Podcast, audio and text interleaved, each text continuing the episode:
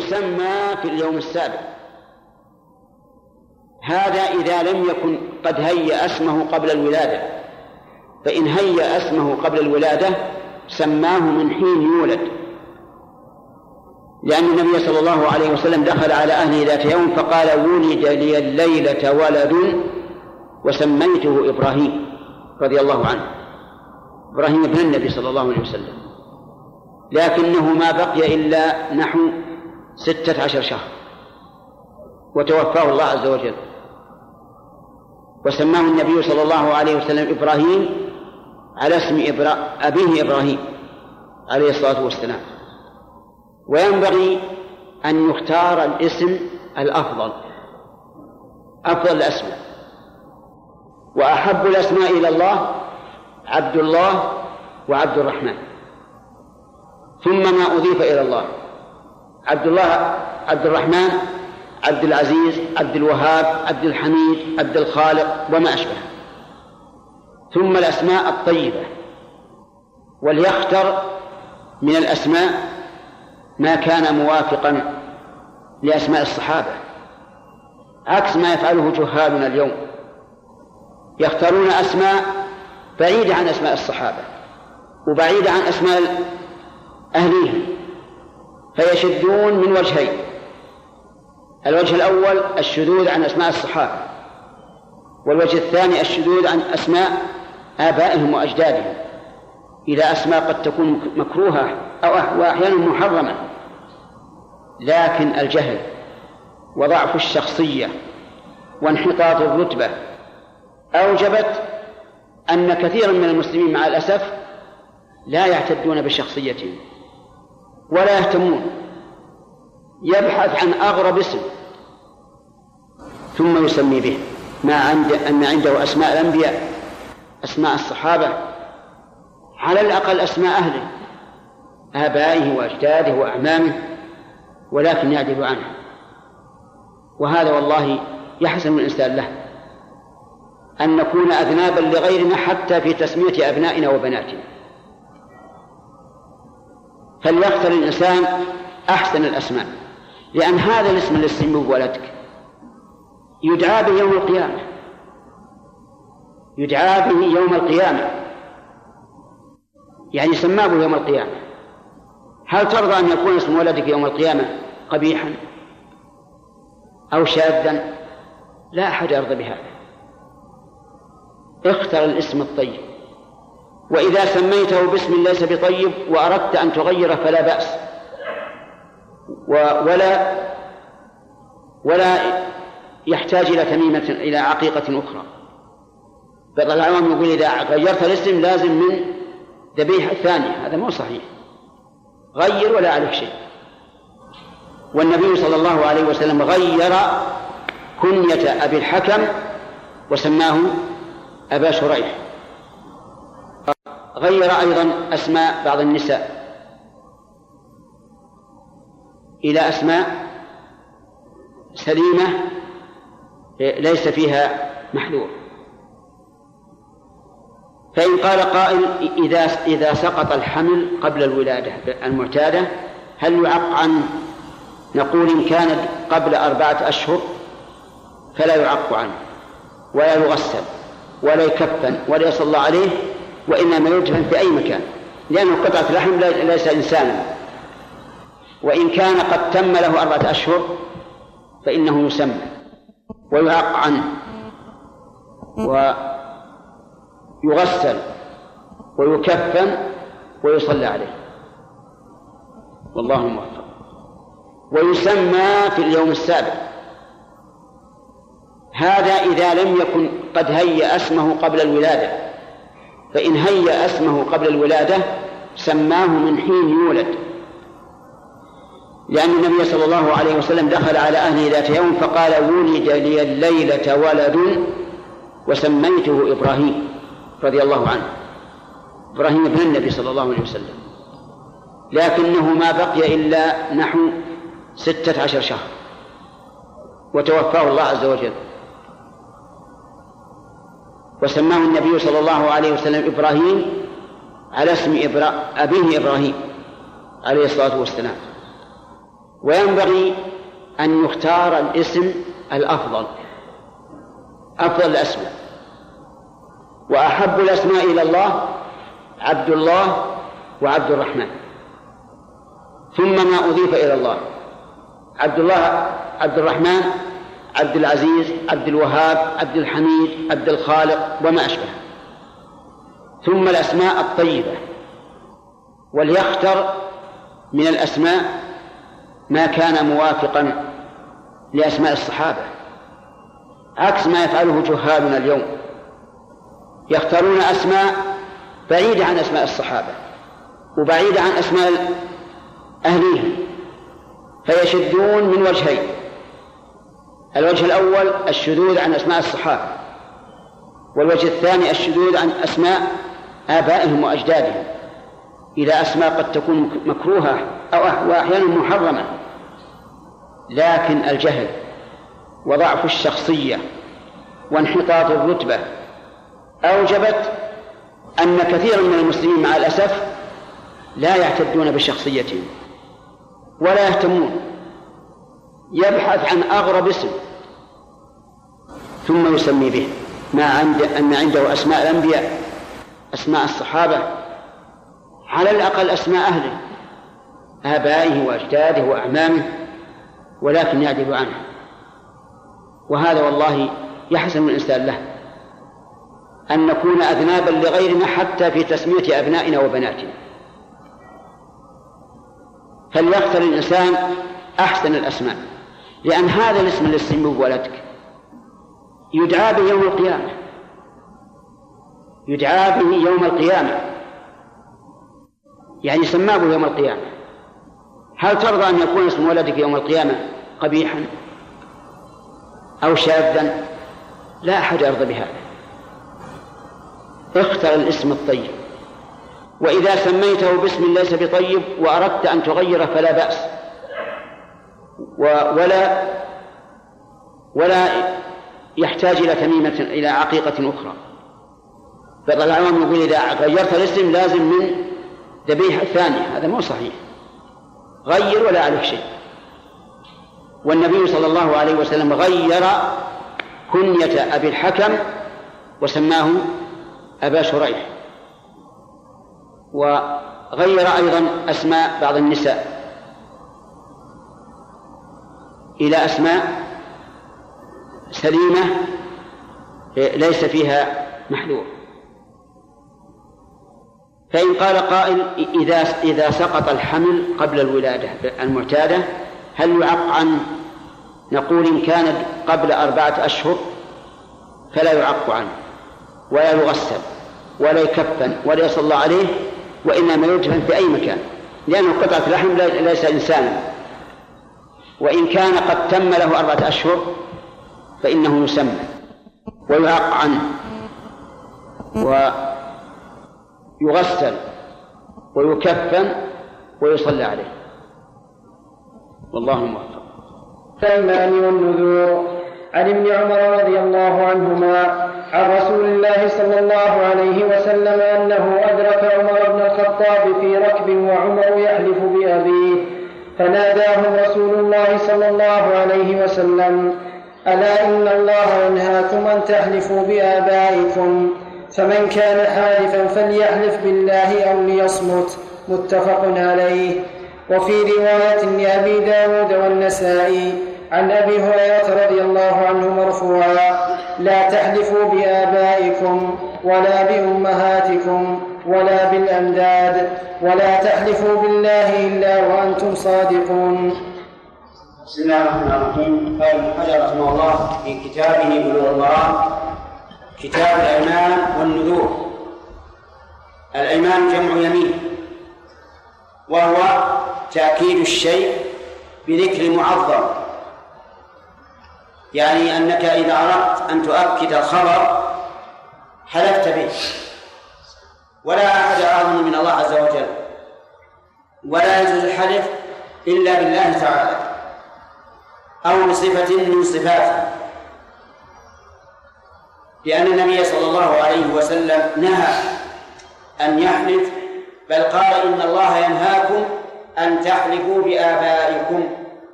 من كان حالفا فليحلف بالله أو ليصمت.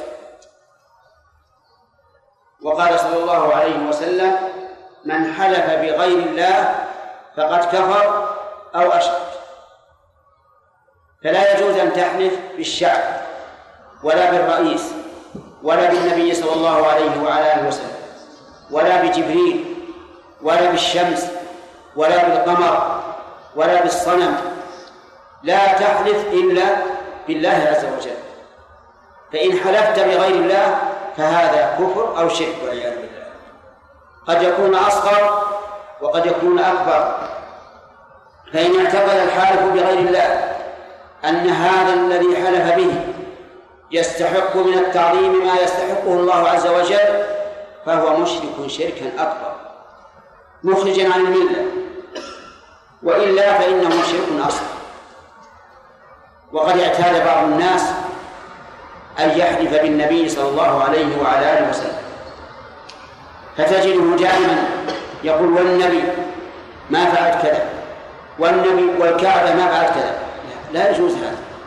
حرام. إما شرك أصغر وإما شرك أكبر. متى يكون أكبر؟ إذا اعتقد أن المحلوف به يستحق من التعظيم مثل ما يستحقه الله أو أعظم فهو شرك أكبر. وإلا فهو شرك أصغر. الحلف بغير الله ينقسم إلى قسمين له ومعقود. اللو لا حكم له. لقول الله تعالى لا يؤاخذكم الله باللغو في أيمانكم ولكن مؤاخذكم بما عقدتم الأيمان. واللغو هو الذي لا يقصده الإنسان وإنما يجري في ضمن الكلام. مثل ما يقول الإنسان في عرض حديثه لا والله بلا والله.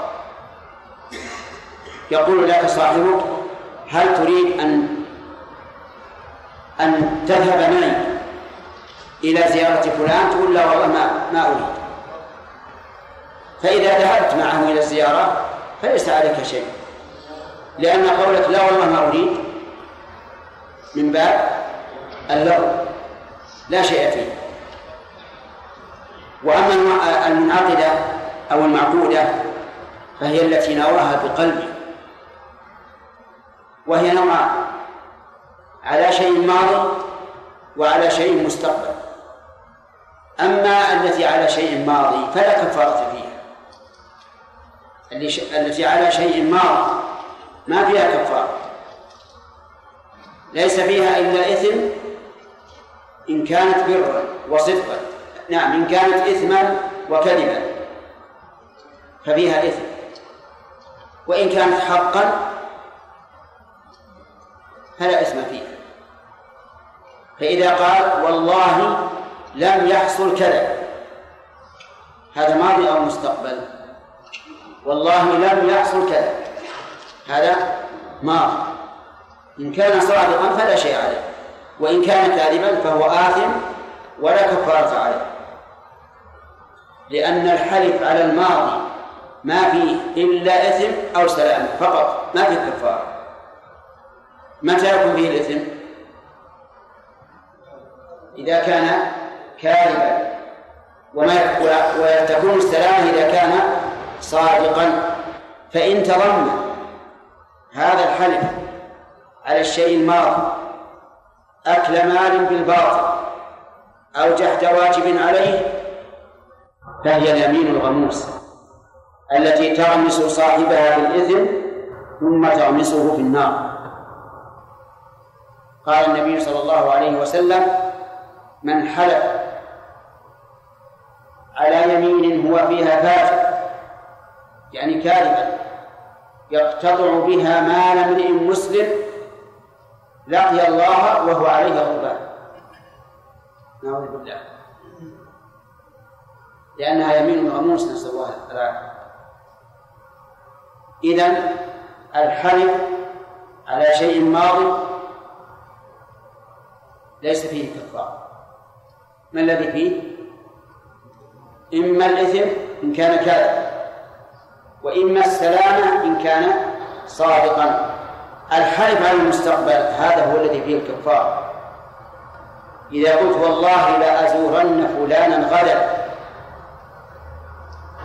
ولم تزره ففيه الكفارة فإن زرته فلا شيء عليه. والكفارة تجب إذا لم يقل الإنسان إن شاء الله. فإن قال إن شاء الله فلا كفارة عليه. حتى وإن لم يزور لو قال والله لأزورن فلانا غدا إن شاء الله. ولم يزره فلا شيء عليه. لأن النبي صلى الله عليه وعلى آله وسلم قال من حلف على يمين فقال إن شاء الله فلا أنث عليه. يعني لا كفار. ثم اعلم أنه ينهى أن يكثر الرجل من الحلف. لقول الله تعالى واحفظوا أيمانكم.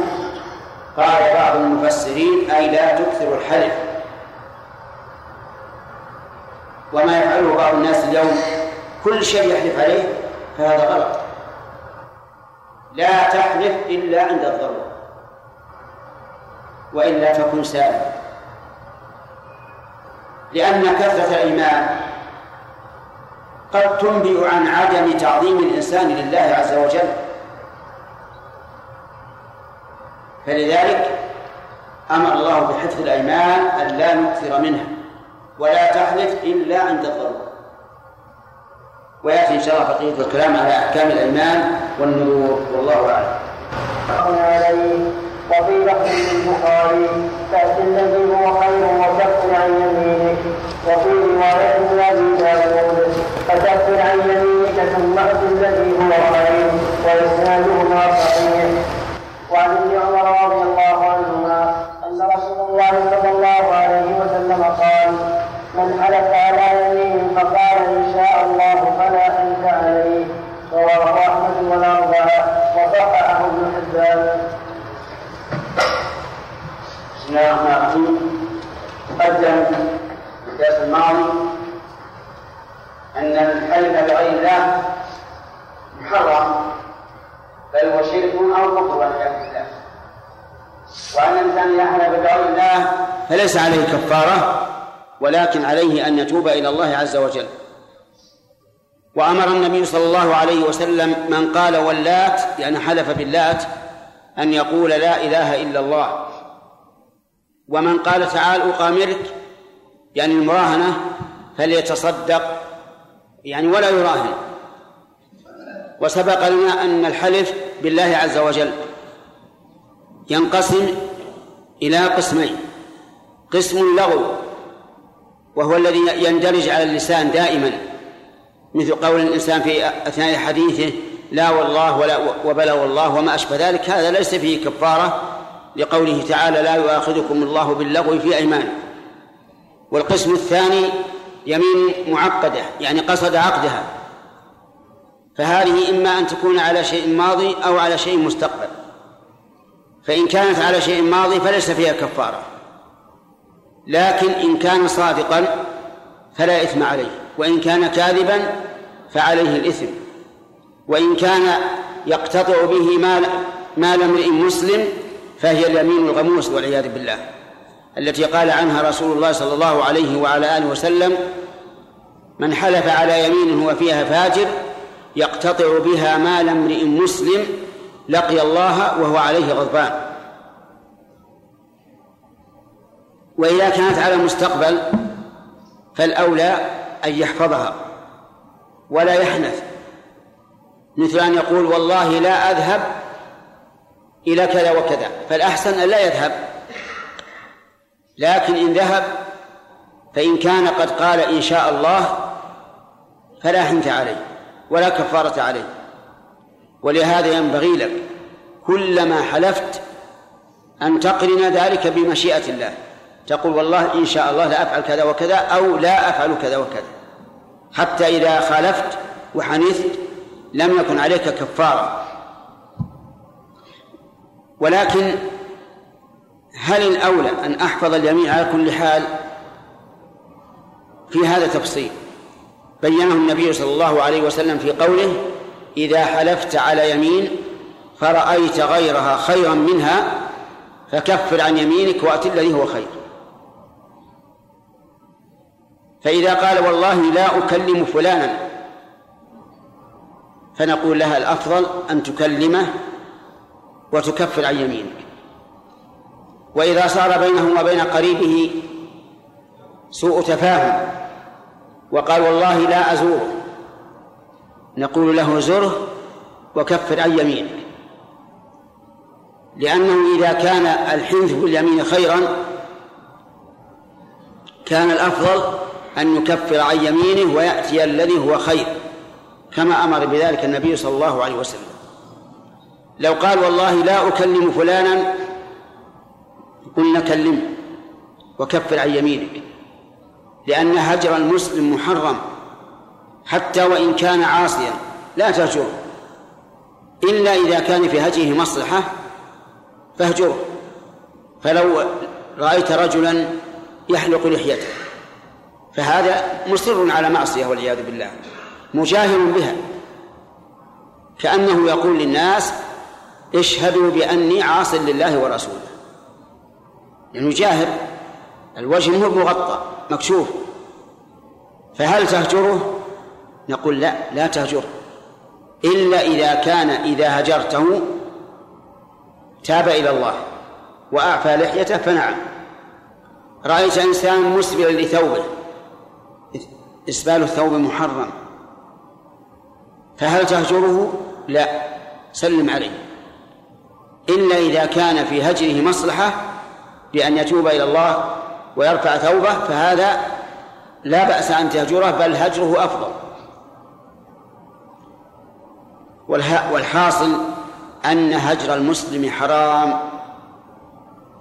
وإذا كان على معصية فإن كان في هجره مصلحة بحيث يتوب إلى الله فاهجره وإلا فلا تهجره. والله موفق.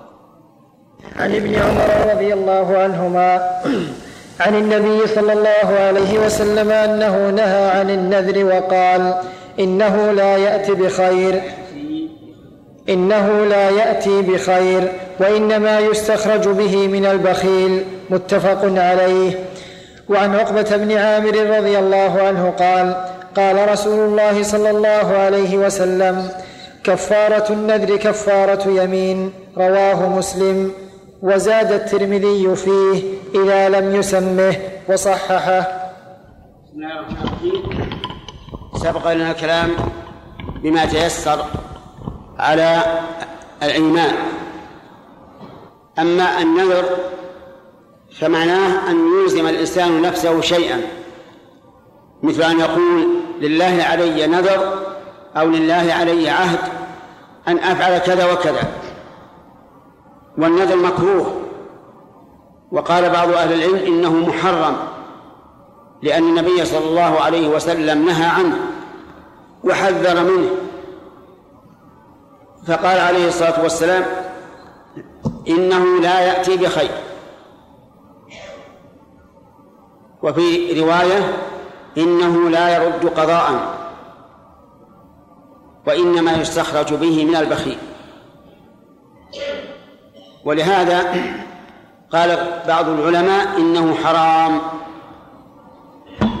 وهو خطير جدا لأن الإنسان ربما ينظر على شيء فيحصل ثم لا ي... ثم لا يفي بما نذر.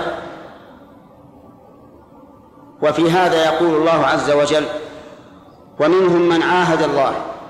لئن آتانا من فضله لنصدقن ولنكونن من الصالحين.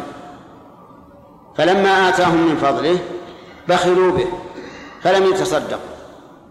وتولوا وهم معرضون فلم يكونوا من الصالحين. فأعقبهم نفاقا في قلوبهم إلى يوم يلقونه.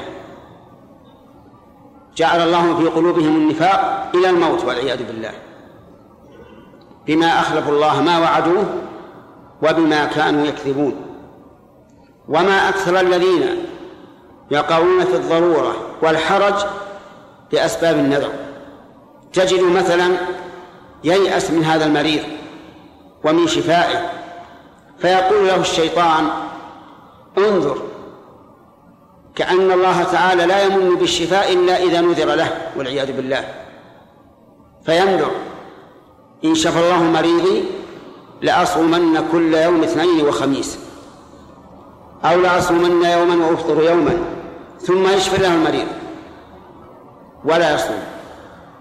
هذا حري أن أن يعقبه الله نفاقا في قلبه إلى أن يموت والعياذ بالله. كذلك مثلا طالب يستصعب الدروس ويظن أنه لا ينجح. فيقول لله علي نذر إن نجحت لأفعلن كذا وكذا ثم ينجح ولا يفي. هذا أيضا يخشى أن يعقبه الله نفاقا في قلبه إلى أن يموت. فإياك والنذر. واعلم أن النذر لا يأتي بخير كما قال الرسول عليه الصلاة والسلام لا ينكشف به الضرر ولا يحصل به النفع ولا يرد القضاء إذا قضى الله أن يشفى المريض شفي بدون نذر. وإذا قضى الله أن لا يشفى لم يشفى ولو نذرت. وهكذا. فإياك والنذر. لكن مع ذلك لو نذر فإذا فإن كان نذر طاعة وجب عليه أن يوفي به. كأن يقول لله علي نذر إن شفى الله مريضي أن أصوم يوم الاثنين والخميس من كل أسبوع. فشفى الله مريضه يجب أن يصوم كل يوم اثنين وخميس. حتى لو جاء يتلوى ويتعصر ويحمر وجهه ويصفر ويقول تعب نقول أنت الذي أتعبت نفسك. من قال لك انظر؟ أليس الله يشفي المرضى بالدعاء؟ أدعو الله. أليس أليس الله يشفي المرضى بالصدقة؟ تصدق. أما أن تنظر فأنت الذي ألزمت نفسك وعليك أن تصوم كل يوم اثنين وخميس وجوبا. كذلك أيضا بعض الناس يقول إن إن شفى الله مريضي لأذبحن بعيرا ويشفي الله المريض ولا يذبح. أعوذ بالله. تكذب على ربك. يجب أن تذبح البعير وتصدق به ولا تأكل منه شيئا. لأنه مكافأة ومجازاة وشكرا لله عز وجل. وهذا سبيله سبيل الصدقة. يتصدق به الإنسان ولا يأكل منه شيئا. أما إذا قال الإنسان هكذا لله عليه نذر ولا ولا قال شيئا. قال لله عليه نذر فقط. نقول عليك كفارة يمين. إطعام عشرة مساكين أو كسوتهم أو تحرير رقبة فإن لم تجد فعليك صيام ثلاثة أيام متتابعة. مجرد أن يقول الله على نذر. عن عقبة بن عامر رضي الله عنه قال نذرت أختي أن تمشي إلى بيت الله حافية فأمرتني أن أستفتي لها رسول الله صلى الله عليه وسلم فاستفتيته فقال النبي صلى الله عليه وسلم لتمشي ولتركب متفق عليه واللفظ لمسلم. ولأحمد والأربعة فقال إن الله تعالى لا يصنع بشقاء أختك شيئا مرها فلتختمر ولتركب ولتصم ثلاثة أيام. وعن ابن عباس رضي الله عنهما قال استفتى سعد بن عبادة رسول الله صلى الله عليه وسلم في نذر كان على أمه توفيت قبل أن تقضيه فقال اقضه عنها متفق عليه. وعن ثابت بن الضحاك رضي الله عنه قال نذر رجل على عهد رسول الله صلى الله عليه وسلم أن ينحر إبلا ببوانة فأتى رسول الله صلى الله عليه وسلم فسأله فقال هل كان فيها وثن يعبد؟ قال لا. قال فهل كان فيها عيد من أعيادهم؟ فقال لا. فقال أوف بنذرك. فإنه لا وفاء لنذر في معصية الله ولا في قطيعة رحم ولا فيما لا يملك ابن آدم. رواه, رواه أبو داود والطبراني واللفظ له وهو صحيح الإسناد. وعن جابر رضي الله تعالى عنه أن رجلا قال يوم الفتح يا رسول الله إني نذرت إن فتح الله عليك مكة أن أصلي في بيت المقدس. فقال صلها هنا. فسأله فقال صلها هنا. فسأله فقال فشأنك إذا رواه أحمد وأبو داود وصححه الحاكم. وعن أبي سعيد الخدري رضي الله تعالى عنه عن النبي صلى الله عليه وسلم أنه قال لا تشد الرحال إلا إلى ثلاثة مساجد مسجد الحرام ومسجد الأقصى ومسجدي هذا. متفق عليه واللفظ للبخاري. وعن عمر وعن عمر قال قلت يا رسول الله إني نذرت في الجاهلية أن أعتكف ليلة في المسجد الحرام. قال أوف بنذرك. متفق عليه. وزاد البخاري في رواية فاعتكف ليلة. بسم الله الرحمن الرحيم. هذه أحاديث في أحكام النذر. ذكرها الحافظ ابن حجر في بلوغ المرام. تدل على أشياء. منها أن الإنسان إذا نذر نذرا يشتمل على عبادة وعلى غيرها فإنه يجب عليه أن يفي بالنذر ويدع ما ليس من بعبادة. لحديث هذه المرأة التي نذرت أن تحج إلى بيت الله حافية من المدينة تمشي فأمرها النبي صلى الله عليه أمره النبي صلى الله عليه وسلم أن تركب وتمشي. وأخبر أن الله تعالى غني عن تعذيب هذه المرأة نفسها وأمرها أن تصوم ثلاثة أيام. وصيام ثلاثة أيام كفارة يمين وكأن النبي صلى الله عليه وسلم يعلم بحالها وأنها لا تجد إطعام عشرة مساكين أو كسوتهم أو عتق رقبة. فأمرها أن تصوم ثلاثة أيام. وعلى هذا لو نظر الإنسان أن يمشي إلى مكة حافيا من القصيم مثلا. قلنا له لا تفعل. ما يفعل الله بشقائك وعذاب نفسك لكن يلزمك أن أن تحج أو تعتمر حسب ما نذر. وعليك أن تكفر كفارة يمين. ومنها أي مما دلت عليه هذه الأحاديث من الأحكام أن الإنسان إذا نذر نذرا ومات فإنه يوفى عنه. يوفى عنه من تركته إن كان له تركة وإلا يقوم به أحد من من أوليائه. فإن لم يفعلوا فلا حرج عليه لأنها لا تزر وازرة وزر أخرى. ومنها أي مما دلت عليه من الأحكام أن الإنسان إذا نذر أن يذبح أو يتصدق أو ما أشبه ذلك في مكان معين فإنه يوفي به إلا إذا كان فيه شعار الجاهلية فيه وثن من أوثان الجاهلية أو عيد من أعيادهم فإنه لا يوفي به لأنه لا يوفى لا يوفى لله بمكان يعظم فيه غير الله عز وجل. ومنها أن من نذر أن يصلي في المسجد الأقصى في فلسطين فلو أن يصلي في مسجد المدينة ولو أن يصلي في مسجد مكة. لأن هذه المساجد الثلاثة أفضلها المسجد الحرام ثم المسجد الأقصى ثم ثم المسجد النبوي ثم المسجد الأقصى. فإذا نذر الصلاة في المسجد الأقصى قلنا صلي في المدينة. أو في مكة. وإن نذر الصلاة في المسجد النبوي قلنا صلي في المسجد النبوي أو في المسجد الحرام في مكة. وإن نذر في المسجد الحرام لم يجزئه في غيره لأن المسجد الحرام أفضل المساجد الثلاثة. ومنها أي مما دلت عليه من الأحكام أن الإنسان إذا نظر الصلاة في أحد المساجد الثلاثة أجزأته الصلاة فيه وفيما هو أفضل منه. ولهذا جاء رجل يسأل النبي صلى الله عليه وسلم عام الفتح فتح مكة وقال إنه نذر إن فتح الله عليه مكة أن يصلي في المسجد في المسجد الأقصى. فقال صلي ها هنا. فأعاد فقال صلي ها هنا. فأعاد قال فشأنك إذا. وفيها وفيه دليل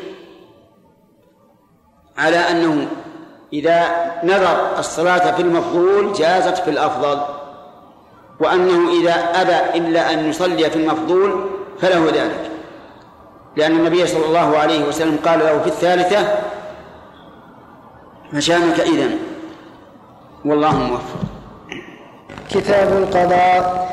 عن بريدة رضي الله تعالى عنه قال قال رسول الله صلى الله عليه وسلم القضاة ثلاثة اثنان في النار وواحد في الجنة.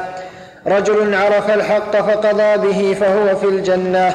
ورجل عرف الحق فلم يقض به وجار في الحكم فهو في النار. ورجل لم يعرف الحق فقضى للناس على جهل فهو في النار. رواه الأربعة وصححه الحاكم. وعن أبي هريرة رضي الله تعالى عنه قال قال رسول الله صلى الله عليه وسلم من ولي القضاء فقد ذبح بغير سكين. رواه أحمد والأربعة وصححه ابن خزيمة وابن حبان.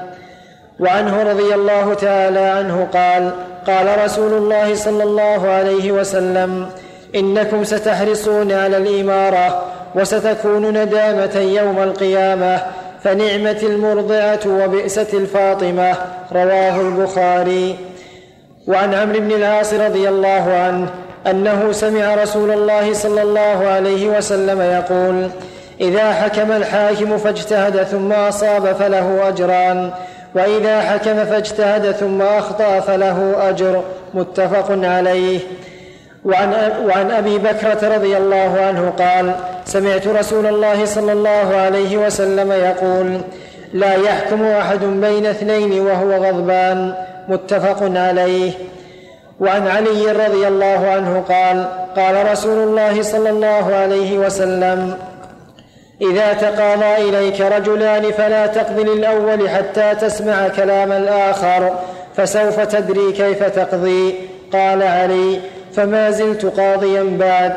رواه أحمد وأبو داود والترمذي وحسنه وقواه ابن المديني وصححه ابن حبان.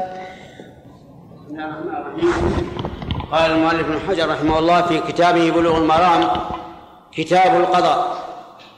القضاء هو بيان الحكم الشرعي والإلزام به وفصل الخصومات. أرجع وراء أرجع لا تقدم على إخواني. يتضمن ثلاث ثلاث أشياء. تبيين الحكم الشرعي والإلزام به وفصل الخصومات. والقاضي شاهد وحاكم.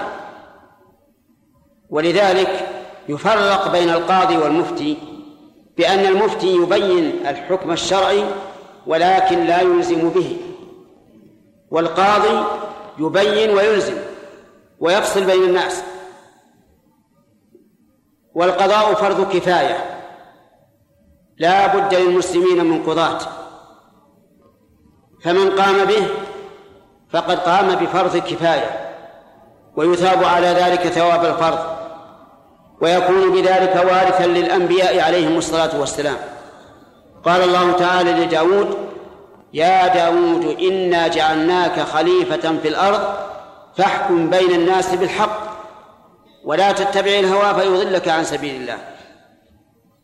وأما ما ورد من ولي القضاء فقد ذبح بغير سكين فهذا إن صح عن النبي صلى الله عليه وسلم ولا أظنه يصح لأن القضاء فرض كفاية.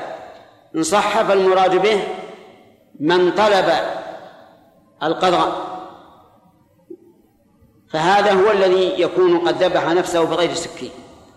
لأنه كالإمارة. من من من أتيت إليه بغير مسألة أعين عليها. ومن جاءته عن مسألة وكل إليها.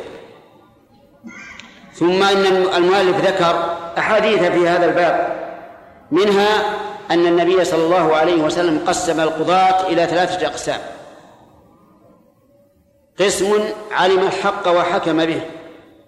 وقسم علم الحق ولم يحكم به بل جار بالحق بالحكم. وقسم جهل الحق وحكم بجهل. فالقاضي الذي علم الحكم في شريعة الله وقضى به في الجنة.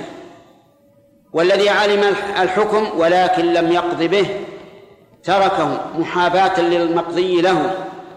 أو على المقضي عليه أو لغرض نفسي فهذا في النار والعياذ بالله. والثالث قسم حكم بين الناس لكن ليس عنده علم فهذا أيضا في النار. لأنه سيقول على الله ما لا يعلم والقول على الله ما لا ما لا يعلم محرم. وذكر أيضا ما به متنفس للقضاة ولغير القضاة أيضا وهو أن الإنسان إذا اجتهد في طلب الحكم وبالدليل الشرعي ثم أخطأ فله أجر وإن أصاب فله أجران سواء القاضي أو المفتي إذا اجتهد وطلب الدليل من الكتاب والسنة ثم حكم بما ظهر له فإنه إن أصاب فله أجران وإن أخطأ فله أجر واحد. لكن بشرط أن يجتهد وهو أهل للاجتهاد وليس عاميا يجتهد برأيه ولكنه طالب علم يعرف أوجه الترجيح ويعرف كيف يرجح فهذا إذا أخطأ فله أجر وإن أصاب فله أجران. ومما تجب ملاحظته في القضاء أن لا يقضي الإنسان وهو غضبان. غضبا يمنعه من تصور القضية وتطبيقها على الأحكام الشرعية. أما الغضب اليسير فلا فلا يمنع من الحكم. لكن الغضب الشديد الذي يشوش فكره لا يجوز أن يقضي وهو كذلك. وكذلك قال العلماء يلحق بهذا كل ما يشوش القلب من حر مزعج أو برد مؤلم أو عطش شديد أو جوع شديد أو ما أشبه ذلك. فإنه لا يجوز له أن يقضي ولا أن يفتي حتى يطمئن ويستريح قلبه ثم يفتي بما يتبين له ويقضي بما يتبين له.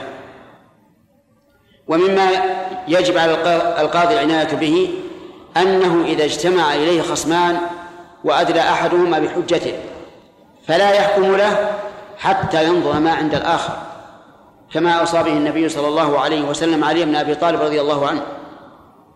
لا تستعجل. إن داود عليه الصلاة والسلام استعجل وقضى قبل أن يسمع كلام الخصم. فتنة من الله عز وجل. قال الله تعالى وهل أتاك نبأ الخصم إذ تسوروا المحراب؟ المحراب مكان الصلاة. تسوروه يعني من فوق الجدار. لأن داود عليه الصلاة والسلام دخل محرابه يعني مصلاه وأغلق الباب. أحب أن يتعبد لله عز وجل. فجاء الخصمان ولم يجدوا الباب مفتوحا فتسلقوا المحراب. فدخلوا على داود وهو يصلي ففزع منه قالوا لا تخف. خصمان بغى بعضنا على بعض. فاحكم بيننا بالقسط ولا تشطط. بالحق بالحق ولا تشطط. واهدنا إلى سواء الصراط. إنه يقول المدعي إن هذا أخي له تسع وتسعون نعجة. ولي نعجة واحدة فقال أكفلنيها وعزني في الخطاب. يعني النعجة الشاة. له تسع وتسعون نعجة ولي نعجة واحدة. فقال أكفلنيها وعزني في الخطاب. قال لقد ظلمك بسؤال نعجتك إلى نعاجه. ولم ولم يأخذ حجة الخصم. فلامه الله عز وجل على ذلك. أولا على كونه يغلق باب المصلى على نفسه وهو مأمور بالحكم بين الناس. ولا يجوز للإنسان أن يتشاغل ولو بالصلاة عن الحكم بين الناس في الوقت الذي يحكم فيه بينهم. ثانيا أنه قضى للخصم قبل أن يسمع حجة صاحبه. وأما ما ذكر في هذا الموضوع من الإسرائيليات فكله كذب. لا يليق بداود عليه الصلاة والسلام ولا يحل لأحد أن يرويه في تفسير الآية إلا إذا كان يريد أن يبين أن هذا كذب محض. والله الموفق. نقل المؤلف رحمه الله تعالى في سياق الأحاديث في كتاب القضاء. عن أم سلمة رضي الله عنها قالت قال رسول الله صلى الله عليه وسلم إنكم تختصمون إلي فلعل بعضكم أن يكون ألحن بحجته من بعض. فأقضي له على نحو ما أسمع منه فمن قطعت له من حق أخيه شيئا فإنما أقطع له قطعة من النار متفق عليه. وعن جابر قال سمعت رسول الله صلى الله عليه وسلم يقول كيف تقدس أمة لا يؤخذ من شديدهم لضعيفهم؟ رواه ابن حبان. وعن عائشة رضي الله عنها قالت سمعت رسول الله صلى الله عليه وسلم يقول يدعى بالقاضي العادل يوم القيامة فيلقى من شدة الحساب ما يتمنى أنه لم يقض بين اثنين في عمره. رواه ابن حبان وأخرجه البيهقي ولفظه في تمرة.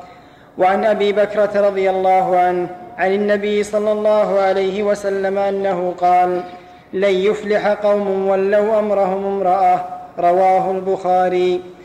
وعن أبي مريم الأزدي رضي الله عنه عن النبي صلى الله عليه وسلم أنه قال من ولاه الله شيئا من أمور المسلمين فاحتجب عن حاجتهم وفقيرهم احتجب الله دون حاجته أخرجه أبو داود والترمذي. وعن أبي هريرة رضي الله عنه قال لعن رسول الله صلى الله عليه وسلم الراشي والمرتشي في الحكم رواه أحمد والأربعة وحسنه الترمذي وصححه ابن حبان. ذكر المؤلف رحمه الله في كتابه بلوغ المرام أحاديث فيما يتعلق بالقضاء فمن ذلك حديث أم سلمة رضي الله عنه عنها زوج النبي صلى الله عليه وعلى آله وسلم. أن النبي صلى الله عليه وسلم قال إنكم تختصمون إلي يعني تأتون في الخصومة. ليحكم بينهم صلى الله عليه وسلم. ولعل بعضكم أن يكون ألحن بحجته من بعض يعني أشد جدلا وخصومه وفصاحة وبيانا من الآخر فأقضي له بنحو مما أسمع. يعني أقضي لهذا الرجل الذي هو ألحن من أخيه بنحو ما سمع وإنما أقضي بنحو ما أسمع. لأن النبي صلى الله عليه وسلم لا يعلم الغيب. فمن اقتطعت له شيئا من حق أخيه فإنما أقتطع له جمرة من النار أو قطعة من النار فليستقل أو ليستكثر. ففي هذا الحديث دليل على فوائد أن القاضي منها أن القاضي يحكم بحسب ما يظهر له. إن أصاب فله أجران وإن أخطأ فله أجر واحد. وفيه أيضا دليل على أن النبي صلى الله عليه وسلم لا يعلم الغيب لأنه يأتي إليه الخصمان ولا يعلم من المحق من المبطل إلا بحسب ما يسمع. ومنها أن القاضي لا يحكم بعلمه وإنما يحكم بما سمع. فلو تخاصم إليه رجلان فقال أحدهما أدعي على هذا الرجل بمائة ريال. وليس عنده بينة. والقاضي يدري أنه يطلبه مائة ريال فإنه لا يجوز أن يحكم له. بل يقول للمدعي هل لك بينة؟ إن قال نعم يأتي بها وإلا حلف الخصم المدعى عليه وانتهت القضية. ولكن يقال إذا ولكن نقول إذا كان القاضي يعلم بالقضية فإنه لا يجوز أن يحكم بخلاف ما يعلم ولكن يحيلهما إلى قاض آخر ويكون هو شاهدا. والمثال كما رأي سمعتم ادعى زيد على عمرو بمائة ريال والقاضي يعلم أنه صادق.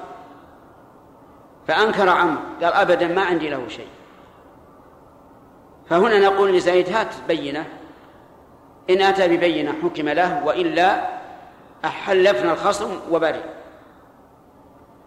فإذا كان القاضي يدري أن زيدا صادق في دعواه وأن له على عمرو مائة ريال فإنه لا يحكم على على عمر بالبراءة لأنه يعلم أنه غير بريء. ولكن يقول تحاكموا إلى غيري وأنا شاهد. فيتحاكم فيتحاكم الخصمان إلى غيره ويكون شاهدا. ومنها أن حكم القاضي لا يغير الواقع. أن حكم القاضي لا يغير الواقع. فإذا حكم القاضي لشخص بشيء بناء على ما سمع وبناء على البينة والذي حكم له يدري أنه مبطل. فإن حكم القاضي لا يبيح له ذلك الشيء الذي يعلم أنه مبطل فيه.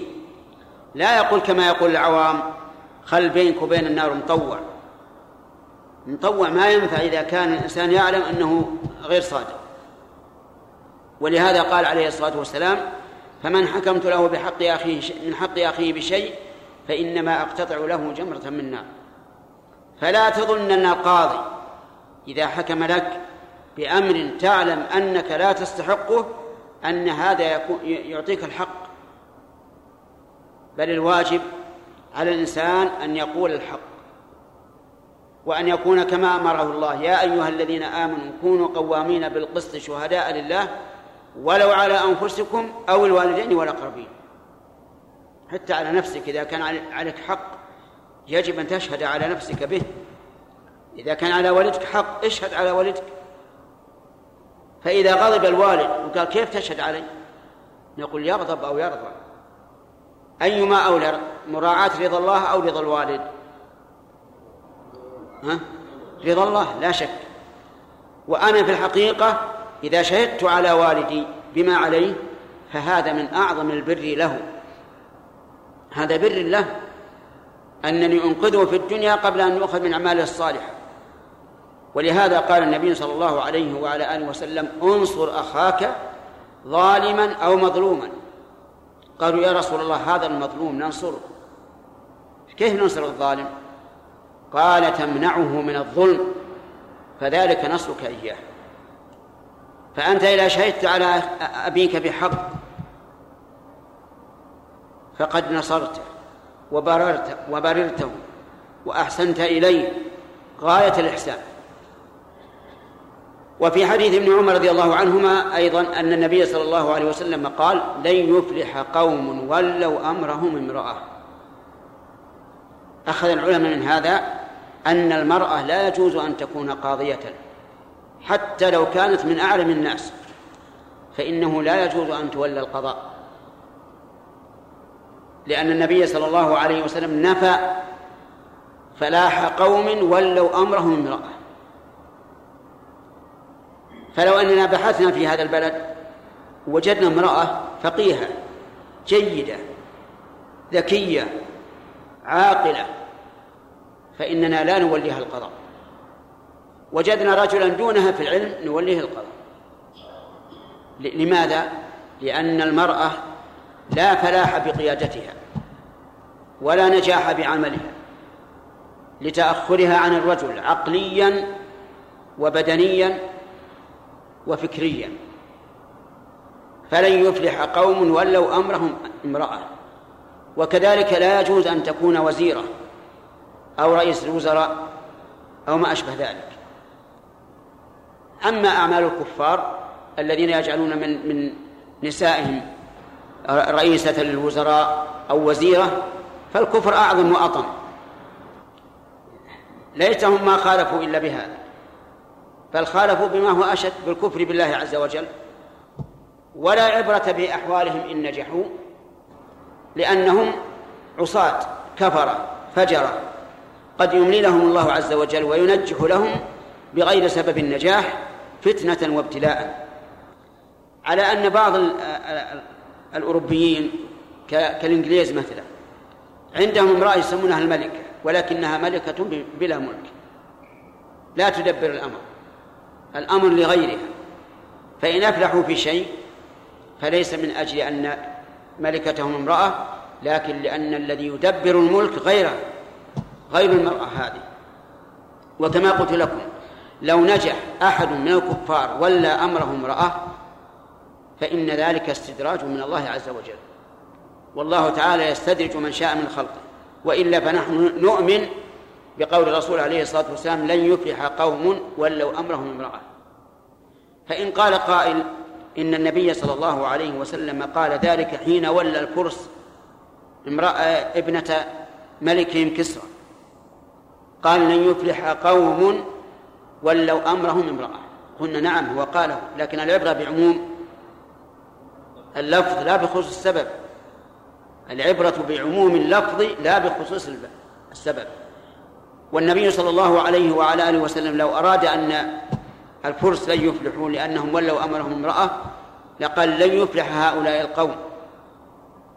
أو كلمة نحوها تدل على الخصوص. أما أن يأتي بلفظ عام ويقول لن يفلح قوم ولوا أمرهم امرأة فإن النبي صلى الله عليه وسلم أعلم الناس بما يقول. والحاصل أن المرأة لا يجوز أن تكون لها ولاية على الرجال. أبدا.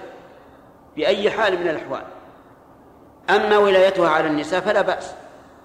لو جعلناها مديرة مدرسة أو رئيسة تعليم أو ما أشبه ذلك فهذا لا بأس به. لأن الرسول قال لا يفلح قوم. والقوم هم من؟ الرجال.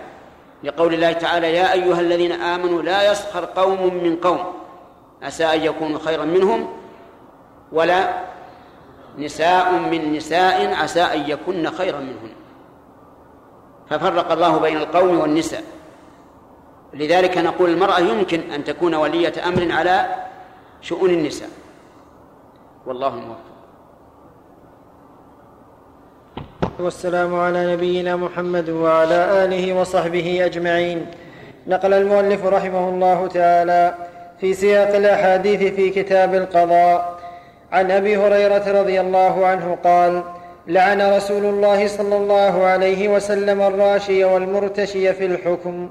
رواه أحمد والأربعة وحسنه الترمذي وصححه ابن حبان. وعن عبد الله بن الزبير قال قضى رسول الله صلى الله عليه وسلم أن الخصمين يقعدان بين يدي الحاكم. رواه أبو داود وصححه الحاكم. بسم الله الرحمن الرحيم. ذكر المؤلف رحمه الله تعالى من أحاديث كتاب القضاء حديث أبي هريرة أن النبي صلى الله عليه وسلم لعن الراشي والمرتشي. وفي رواية الرائش. الراشي يعني الذي يبذل المال والمرتشي المبذول له المال وذلك في الحكم. وسمي هذا العطاء رشوة لأنه يتوصل به الإنسان إلى غرضه كالرشاء في البئر يتوصل به الإنسان إلى استخراج الماء مثال ذلك رجل له خصومة على شخص فذهب إلى القاضي وأعطاه دراهم من أجل أن يقضي له في حقه. فهو ملعون والقاضي ملعون والعياذ بالله لأن هذا يؤدي إلى أكل أموال الناس بالباطل والحكم بغير ما أنزل الله. وكما يكون ذلك في الحكم يكون في الأعمال الوظائفية.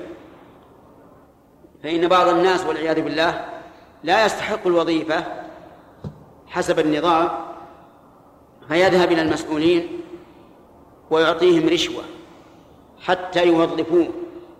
فهؤلاء والعياذ بالله من جنس الذي يعطي الحاكم رشوة ليحكم له بغير ما أنزل الله.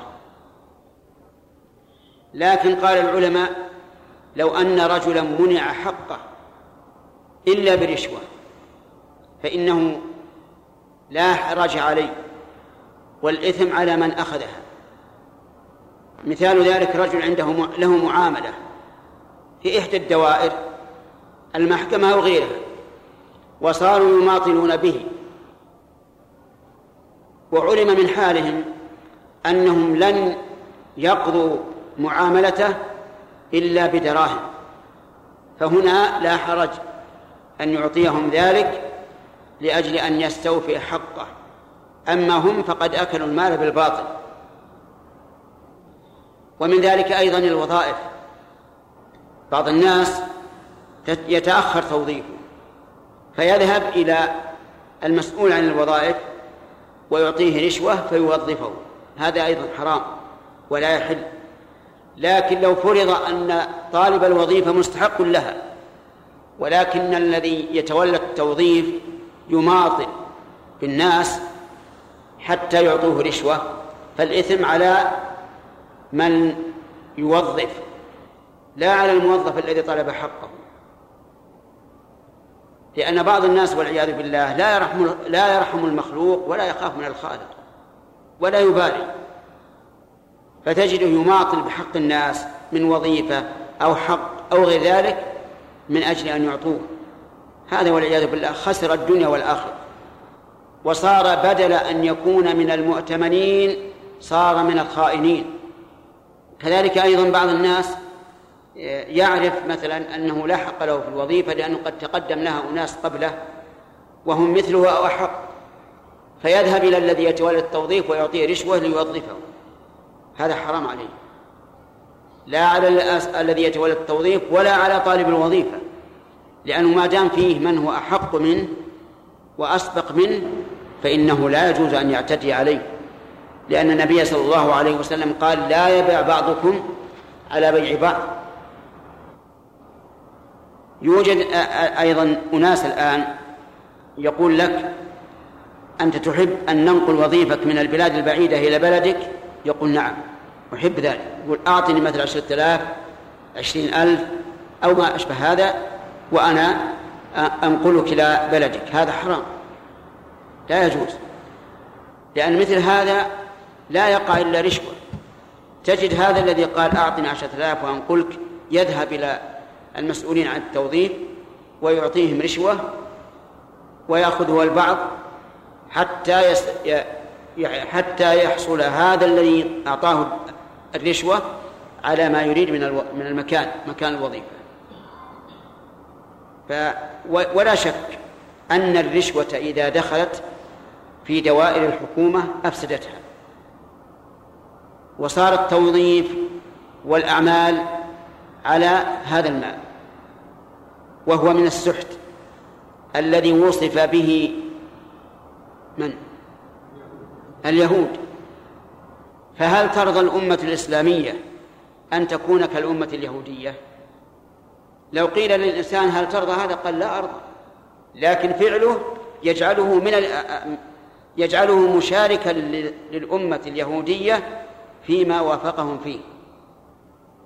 فهؤلاء الذين يرشون الناس ويرتشون من الناس هم مشابهون لليهود في أكلهم السحت. وهم والعياذ بالله يضيفون آثاما إلى آثامهم ومعاصي إلى معاصيهم. أما أثر علي رضي الله عنه أن الخصمين يكونان بين يد القاضي أو الحاكم فهذا من آداب الجلوس بين آه، يدي القاضي أن يكون الخصمان أمامه ليكون نظره إليهما سواء.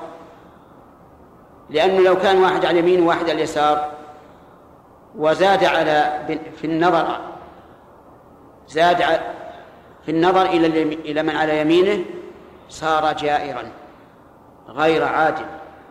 ولهذا قال العلماء يجب على القاضي أن يعدل بين الخصمين في لفظه ولحظه ومجلسه ودخولهما عليه. أربعة أشياء. إذا أراد الدخول فإن فإن تصالح فيما بينهما فعلى ما تصالح عليه. يعني إن قال أحدهما للآخر تفضل ادخل فالأمر إليه. لكن عند التشاح يدخلان جميعا. فإن كان الباب لا يسعهما جميعا يقرع بينهما. أيهما يدخل أول؟ إذا دخل يجب أن يكون في الجلوس سواء. كل واحد جنب الثاني. ما يتقدم لا يتقدم أحدهما على الآخر. إذا جلس بين يديه يعدل بينهما في النظر. لا ينظر إلى أحدهما أكثر من الآخر. ولا ينظر إلى أحدهما نظر الغضب والآخر نظر إيش؟ الرضا. كذلك أيضا في اللفظ.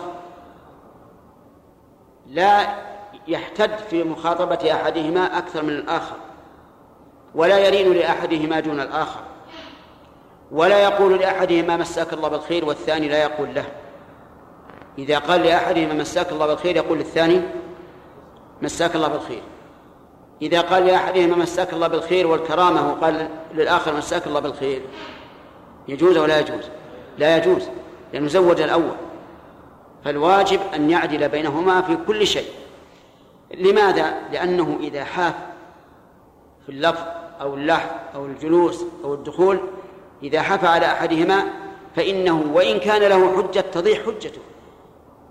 لأنه يعرف أن القاضي جائر مائل مع الآخر فيندهش وتضيع الحجة وبهذا يضيع الحق. ولهذا قال العلماء يجب على القاضي أن يعدل بين الخصمين في لفظه كمل ولحظه ومجلسه ودخولهما عليه. والله موفق. قال رحمه الله تعالى باب الشهادات. عن زيد بن خالد الجهني أن النبي صلى الله عليه وسلم قال ألا أخبركم بخير الشهداء؟ هو الذي يأتي بالشهادة قبل أن يسألها. رواه مسلم. وعن عمران بن حسين رضي الله عنه قال قال رسول الله صلى الله عليه وسلم إن خيركم قرني ثم الذين يلونهم ثم الذين يلونهم ثم يكون قوم يشهدون ولا يستشهدون ويخونون ولا يؤتمنون وينذرون ولا يوفون ويظهر فيهم السمن. متفق عليه. والله في كتابه بلوغ المرام باب الشهادات. الشهادات جمع شهادة. وهي الإخبار بما يعلمه برؤية أو سماع أو شم أو ذوق أو مس. هذه الشهادة. أن تخبر عما تعلمه. إما برؤية تشاهده بعينك وإما بسماع تسمعه بأذنك وإما بشم تشم وإما بذوق وإما بمس تلمسه يعني كل الحواس الخمس. هذه هي الشهادة ولا بد فيها من العلم. فلا يجوز أن تشهد بالظن أو بغلبة الظن بل لا بد أن تعلم الشيء علما يقينا. ويروى عن النبي صلى الله عليه وعلى آله وسلم أنه قال لرجل ترى الشمس قال نعم. قال على مثلها فاشهد أو دع. يعني لا تشهد إلا على شيء مثل الشمس. فإن لم يكن كذلك فلا تشهد. لكن تخبر بالواقع. فتقول رأيته فعل كذا وكذا.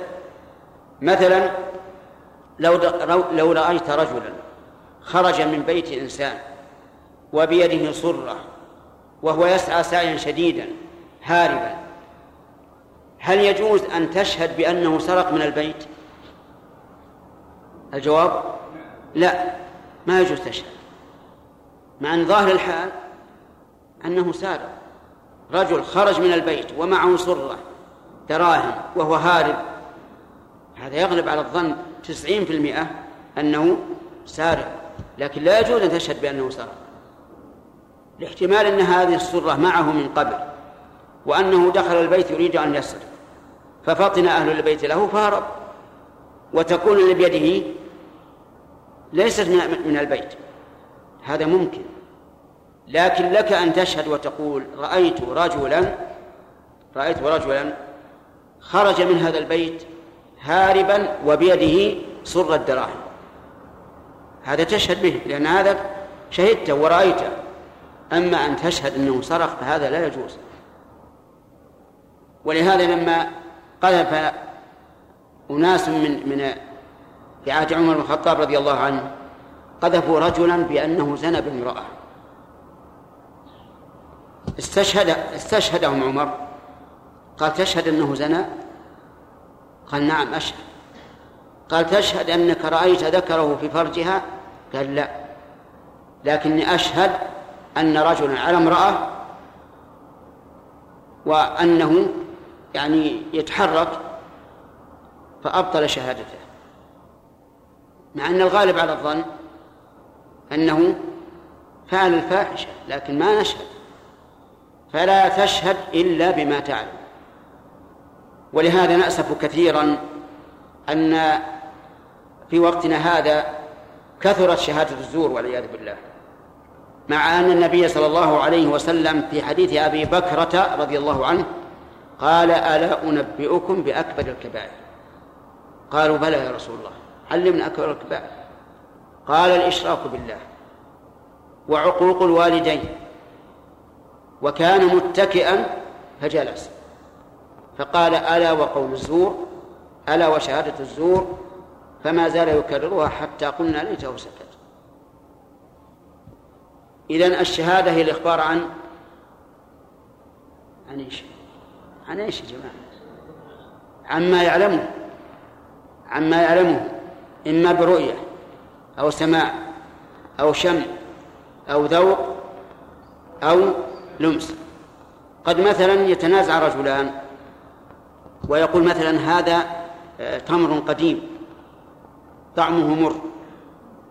فيأتي إنسان ويأكل ويجد أنه مر يشهد بأنه مر أو لا بما أدرك أنه مر. بالذوق. يتنازع اثنان في طيب طيب. يقول أحدهم هذا مسك والآخر يقول هذا دهن ورد وهذا يقول دهن عود مثلا. جاء إنسان شمه وقال هذا دهن عود. يشهد أو لا يشهد؟ طريقة الشهادة الشم. اللمس أيضا يختلف اثنان في ثوب. يقول أحدهما هذا حرير خالص والآخر يقول هذا حرير ممزوج بقطن. فيمسه صاحب خبرة ومعرفة ويعرف أنه خالص أو مخلوط. يشهد. فالمهم أن الشهادة هي الإخبار بما علم بما علم برؤية أو سماع أو شم أو ذوق أو لمس. ولا بد أن يكون عن علم. الظن لا يكفي. حكم الشهادة. الشهادة تحملها فرض كفاية وأداؤها فرض عين. تحملها فرض كفاية. يعني مثلا إذا طلبت منك أن تشهد يجب أن أن أن توافق. إلا إذا كان في أحد يقوم مقامك. لقول الله تعالى ولا يأبى الشهداء إذا ما دعوا. يعني إذا دعوا للشهادة أداء أو تحملا أو أداء فلا يجوز لهم أن يأبوا. أتيت أتيت إلى شخص وقلت يا فلان تعال اشهد. قال لا رحل غيري قلت أنت؟ أنا أخشى أن غيرك ما ما ما يقبل. أنت رجل معروف وصاحب عدل. يقبلك القاضي. امشي. قال رحل غيري يجوز أو لا يجوز؟ لا يجوز. يجب أن يحضر. ويشهد. وإلا كان آثما عاصيا. كذلك في الأداء إنسان عنده شهادة فطلبته ليشهد. عند القاضي قال لا أنا عندي شغل ما أنا بشاهد فلا يجوز. يجب أن نؤدي الشهادة. إذا تحمل الشهادة فرض إيه فرض كفاية وأداؤها فرض عين. ثم ذكر المؤلف رضي الله عنه رحمه الله حديث زيد بن خالد الجهني أن النبي صلى الله عليه وسلم قال ألا أنبئكم بخير الشهداء؟ الذي يأتي بالشهادة قبل أن يسألها. هذا خير الشهداء. يعني بذلك الذي يكون مستعدا لأدائها فيبادر من حين أن يقال له اشهد يشهد. هذا هو معنى الحديث. فالمراد بقوله يأتي بالشهادة قبل أن يسألها المراد المبالغة في الأداء والمبادرة في الأداء. نعم لو فرض أنك شهدت بحق لم يعلم به من هو له فهنا اشهد وإن لم وإن لم تدع إلى ذلك. مثل أن تكون جالسا في المسجد واثنان يتحدثان وأقر أحدهما لشخص بحق ثم إنه أنكر بعد ذلك. أنكر المقر بعد هذا ووصلت القضية إلى المحكمة. الذي له الحق ما يدري. فيها رجل في المسجد ما يدري هل هل سمع أو ما سمع. ففي هذه الحال يجب على هذا الذي سمع الشهادة يجب عليه أن يخبر صاحب الحق ويقول إن عندي شهادة. متى احتجتها فأنا مستعد. فصار هذا الحديث يحمل على المبالغة في في أداء الشهادة. حتى إنه لا لا يؤدي الشهادة قبل أن يسألها. أو على رجل عنده شهادة لا يعلم بها صاحب الحق فيجب عليه أن يبلغ صاحب الحق بأن له شهادة عنده. والله الموفق يعني الصحابة هم خير الناس. وقول خير الناس يعني بذلك أتباع الأنبياء يعني خير أتباع الأنبياء هم صحابة رسول الله صلى الله عليه وعلى آله وسلم. ولذلك يجب علينا محبتهم والترضي عنهم واعتقاد أنهم خير هذه الأمة بعد نبيها. وخير الصحابة أبو بكر رضي الله عنه ثم عمر ثم عثمان ثم علي. كما هم كذلك في الخلافة. أبو بكر الخليفة الأول عمر الخليفة الثاني عثمان الخليفة الثالث علي الخليفة الرابع.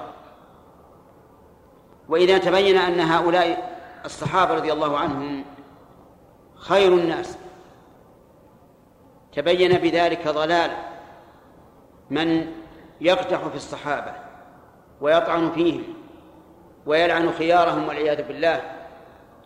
وأن هؤلاء أعداء للإسلام وأعداء لشريعة الإسلام وأهل الإسلام أيضا.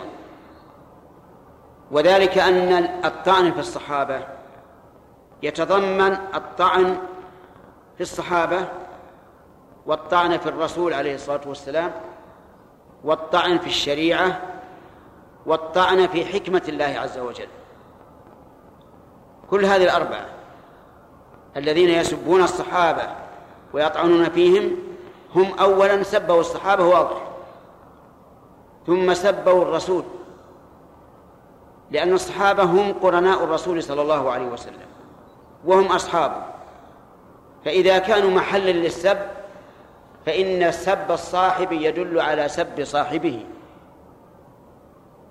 ولهذا قال النبي صلى الله عليه وعلى آله وسلم المرء على دين خليله فلينظر أحدكم من يخالف. وقال الشاعر الحكيم عن المرء لا تسأل وسل عن قرينه فكل قرين بالمقارن يقتدي. فإذا كان أصحاب رسول الله صلى الله عليه وسلم محل السب والشتم فهذا يعني السب والشتم للرسول عليه الصلاة والسلام. ولقد كذب أعظم الكذب. وأشده من قال إنه يعظم الرسول ثم ذهب يسب أصحابه فإنه كاذب. لا شك في ذلك. لأنه لو نظرنا إلى حالنا الآن شخص يقول أنا أحب فلانا ولكنه يسب صاحبه وصديقه هل يمكن أن يكون صادقا؟ الجواب لا يمكن أبدا. فمن ادعى محبة الرسول عليه الصلاة والسلام وهو يسب أصحابه فقد كذب أشد الكذب.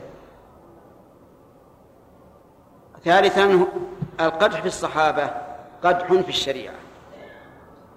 لأنه إذا كان حملة الشريعة الذين نقلوها إلينا عن رسول الله صلى الله عليه وسلم محل السب والشتم والظلم والجور والكذب فهذا يعني أن الشريعة غير موثوق بها. لأن من أين أين الطريق إلى معرفة الشريعة إلا من الصحابة رضي الله عنهم؟ فإذا لم يكونوا عدولا وكانوا محلا للسب والشتم إذن لا نقبل. لا نقبل الشريعة لأن الطريقة التي وصلت إلينا بها غير مرضية. ثالث رابعا طعن في حكمة الله. ووجه ذلك أن يقال هل من الحكمة أن يختار الله عز وجل لأشرف الرسل وأفضلهم قوما يصحبونه وهم أهل فسق وفجور؟ لا يمكن.